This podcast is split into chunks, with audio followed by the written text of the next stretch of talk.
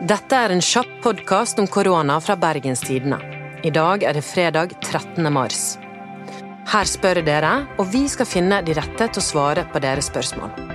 Mitt navn er Anna Magnus. Det er mange som skriver til oss nå, og vi har fått med oss byråd for helse, Beate Husa, til å svare. Kollega og produsent Henrik Svanevik, hva er et av spørsmålene vi har fått inn? Jo, vi har fått inn et eh, aktuelt spørsmål. Det er en som bor i kollektiv som lurer på. Hvis en av de andre som bor i kollektivet har fått eh, hjemmekarantene pga. en tur til Berlin, må da automatisk alle i dette kollektivet i hjemmekarantene? Nei, det er ikke sånn. Eh, det er kun hvis du har vært i nærkontakt med noen som har fått påvist smitte. Da skal du være i karantene. Eller hvis du sjøl har vært på reise utenfor Norden. Da skal du være i karantene men ikke hvis vennene dine i kollektivet er i karantene. Ok. Så, men hva betyr det da egentlig å være i karantene? Å være i karantene da betyr at du ikke får lov å bevege deg på plasser der det er folk, f.eks. matbutikken eh, eller andre butikker eller andre plasser hvor det samles folk. Kollektivtrafikk, eh, et annet eksempel. Du har lov å jogge en tur, du har lov å gå en tur, eh, men du har ikke lov å besøke noen. Du skal holde deg så mye som mulig innenfor hjemmets eh, fire vegger. Så hvis eh, kjæresten din er i karantene, kan du likevel gå ut og handle? Ja, det har du lov til. Kan, så man kan fortsatt sende barna sine ut for å leke? Ja, det har man lov til. Hvor mye skal egentlig den avstanden være, hvis du er i karantene og da finner på å gå ut? Eh, man kan jo i utgangspunktet tenke eh, meter, men jeg vil anbefale å holde seg eh, så langt unna som mulig. For det er klart at kommer du rundt et hjørne, og noen nettopp har hosta eller nyst, så er det jo denne dråpesmitten som er eh, problemet. Og vi vet jo ifra erfaring nå verden over at korona smitter veldig lett.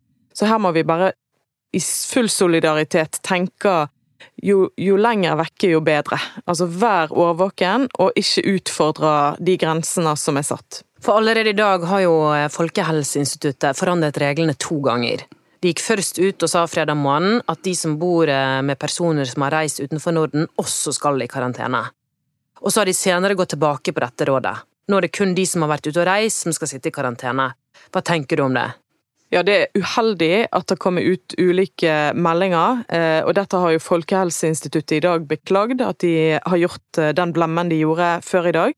Det som jeg tror er mitt viktigste råd til befolkningen, det er følg med på de offisielle eh, nettstedene, både til Folkehelseinstituttet, til Bergen kommune, regjeringen sine sider, og og følg de rådene som til enhver tid står der. Fordi at dette er jo en situasjon som vi har sett forandre seg veldig raskt over tid.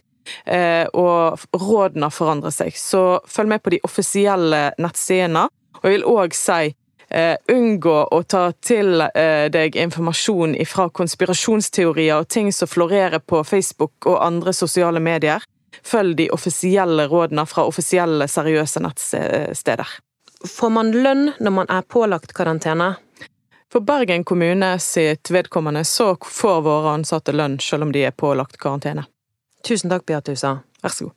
Da fikk vi svar på at alle som jobber for Bergen kommune, får lønn under karantene. Men hva med de som jobber i det private arbeidslivet? Får man lønn når man er pålagt karantene? Vi tok en telefon til Margrethe Meder, som er avdelingsdirektør i Næringslivets hovedorganisasjon, NHO.